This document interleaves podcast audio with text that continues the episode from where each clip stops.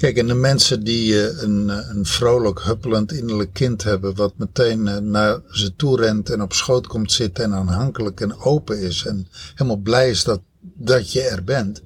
Ja, die zullen dit allemaal niet herkennen. Die hebben zoiets van, Waar gaat, dit, over? Terwijl er echt mensen zijn die een. nou ja, ik, ik, als ik zeg weerbarst, weerbarstig innerlijk kind hebben, dan doe ik het innerlijk kind tekort.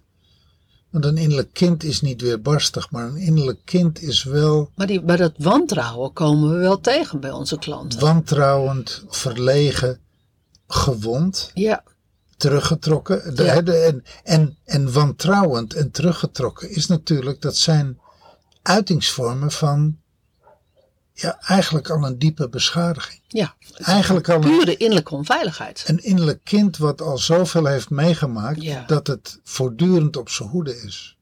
En dan kan je zeggen van, hoe kan dat dan? Hè? Ik kwam mijn innerlijk kind tegen op, op, op, op eh, dienst tweede.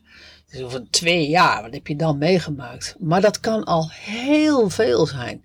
Want je kan je innerlijk kind ook ontmoeten terwijl, terwijl die nog in de baarmoeder zit. Ja, dat kan echt.